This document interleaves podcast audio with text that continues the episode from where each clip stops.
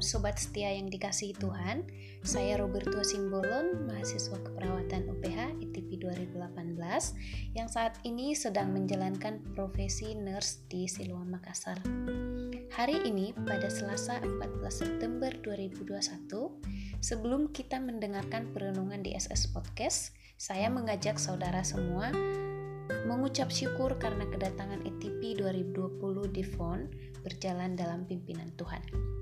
Biarlah Tuhan juga memimpin kegiatan akademik mereka selanjutnya di FON.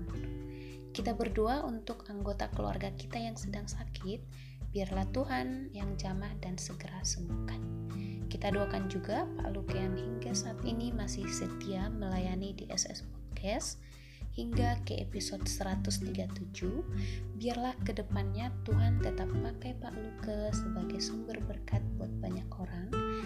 melalui setiap pelayanan yang dikerjakan Pak Luke orang-orang bisa merasakan kasih setia Kristus Pengkhotbah 7 ayat 1 sampai 22 sebagai renungan kita hari ini yang dibacakan oleh Nes Ekayana yang berada di Siloam Livo Village. Terima kasih untuk supportnya dan kiranya Tuhan memimpin kegiatan Nurse Ekayana, pekerjaannya, dan juga keluarga yang ada di Kalimantan.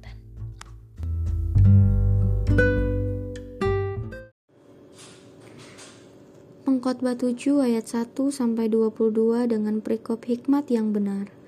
Nama yang harum lebih baik daripada minyak yang mahal, dan hari kematian lebih baik daripada hari kelahiran. Pergi ke rumah duka lebih baik daripada pergi ke rumah pesta, karena di rumah dukalah kesudahan setiap manusia.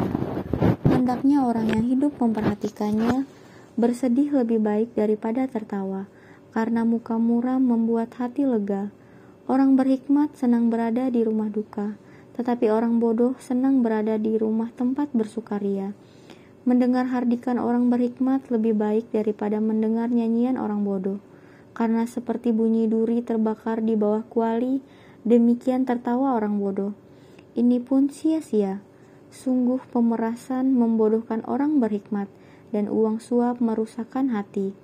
Akhir suatu hal lebih baik daripada awalnya. Panjang sabar lebih baik daripada tinggi hati. Janganlah lekas-lekas marah dalam hati, karena amarah menetap dalam dada orang bodoh Janganlah mengatakan mengapa zaman dulu lebih baik daripada zaman sekarang, karena bukannya berdasarkan hikmat engkau menanyakan hal itu. Hikmat adalah sama baiknya dengan warisan dan merupakan suatu keuntungan bagi orang-orang yang melihat matahari. Karena perlindungan hikmat adalah seperti perlindungan uang, dan beruntunglah yang mengetahui bahwa hikmat memelihara hidup pemilik-pemiliknya.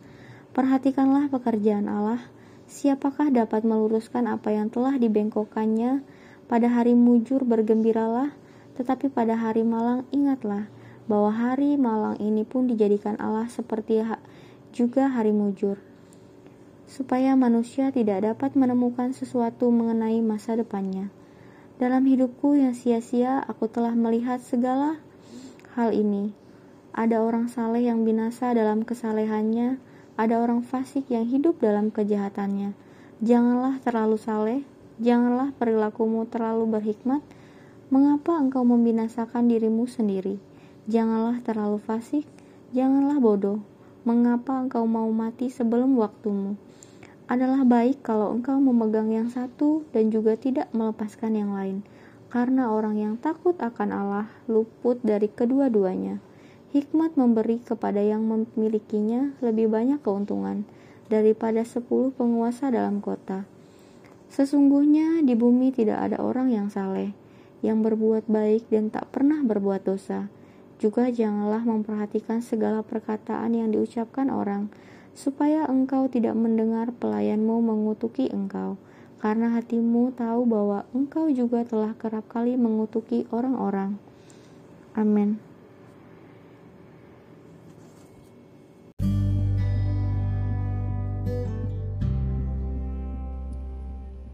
Terima kasih kembali kepada Robert Tua yang membacakan intro buat kita dan juga Nurse Ekayana. Tema kita adalah masa depanku. Dan mari kita berdoa. Tuhan Yesus biarlah melalui perenungan ini kami boleh melangkah dalam pimpinan Tuhan dan menikmati sukacita dalam hidup ini bersama dengan Engkau. Demi Kristus, amin. Sobat setia, berbicara masalah masa depan, setiap orang pasti merencanakan yang namanya masa depan. Dan perencanaan itu direncanakan sebaik-baiknya. Dan kita melihat bahwa di dalam perencanaan juga kita sering kali mengiringi dengan mengantisipasi apa yang tidak boleh terjadi sehingga kita berharap masa depan lebih baik lagi. Namun pernahkah kita menyadari, sebaik-baiknya perencanaan kita, yang namanya kehidupan itu penuh dinamika, sehingga masa depan kita sulit untuk ditebak atau diprediksi.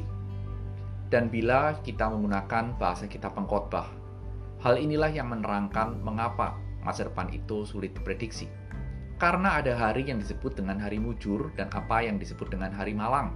Itu muncul di ayat yang ke-14. Dan sering kali kita tidak mau hari malang itu hadir dalam diri kita. Tidak ada yang suka yang namanya hari malang itu menghampiri kita. Siapa yang suka? Rasanya tidak ada. Dan kalau kita bertanya, hari malang itu seperti apa sih dalam kitab pengkhotbah dijelaskan dalam ayat 1 sampai dengan ayat yang ketiga.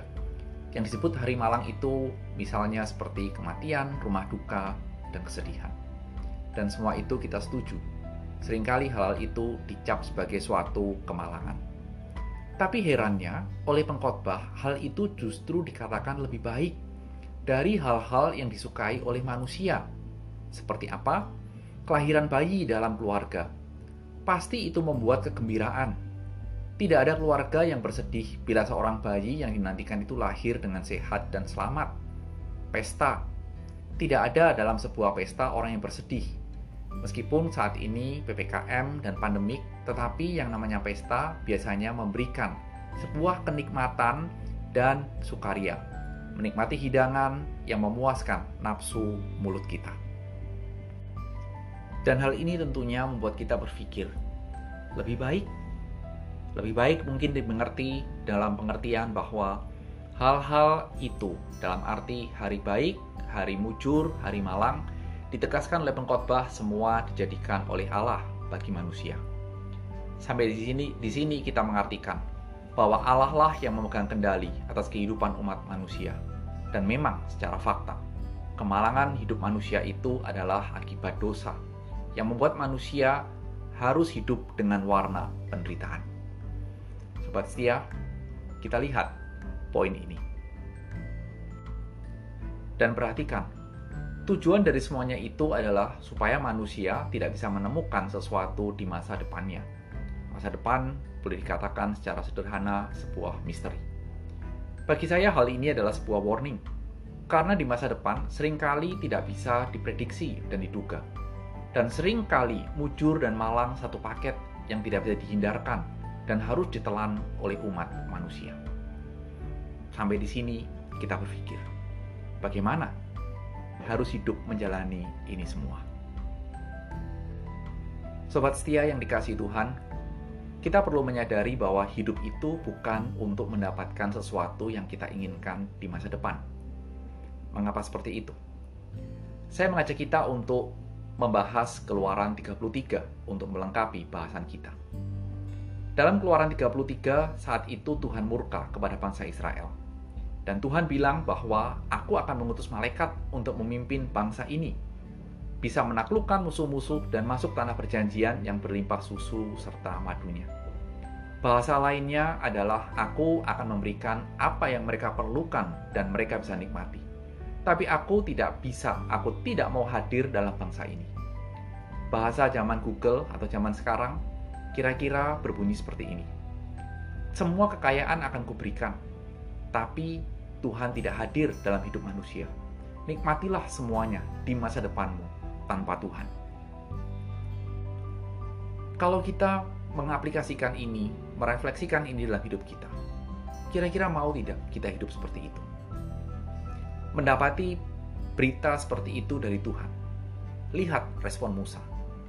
Musa bilang, "Tuhan, kalau Engkau tidak hadir atau tidak ada bersama-sama dengan kami, lebih baik tidak usah memerintahkan kami untuk berjalan menuju tanah perjanjian meskipun di sana berlimpah segala kebutuhan yang manusia dan bangsa Israel perlukan. Tidak usah Tuhan. Itulah bahasa Musa. Bahasa zaman Google adalah Tuhan, aku nggak mau kaya kalau Tuhan tidak beserta dengan aku. Lebih baik aku hidup pas-pasan, tapi Tuhan menyertaiku. Karena harta benda dan kekayaan itu benar-benar memiliki batas memiliki suatu keterbatasan dan tidak punya kekuatan dalam menghadapi hidup yang sangat dinamis di masa depan kita. Sobat setia, bila kita melihat kehidupan seperti ini, maka pengkhotbah seakan-akan mengatakan bahwa dalam hidup yang tidak bisa diprediksi, baik di masa depan ataupun di masa yang akan datang, tidak ada yang lebih penting dalam hidup kita selain meminta pimpinan Tuhan dan tidak lepas hidup dari Tuhan karena di situlah kekuatan bagi kita untuk menjalani masa depan bahkan melewati hari mujur dan hari malam. Dan mari kita memohon, Tuhan, Engkau penting bagi hidupku yang rapuh ini.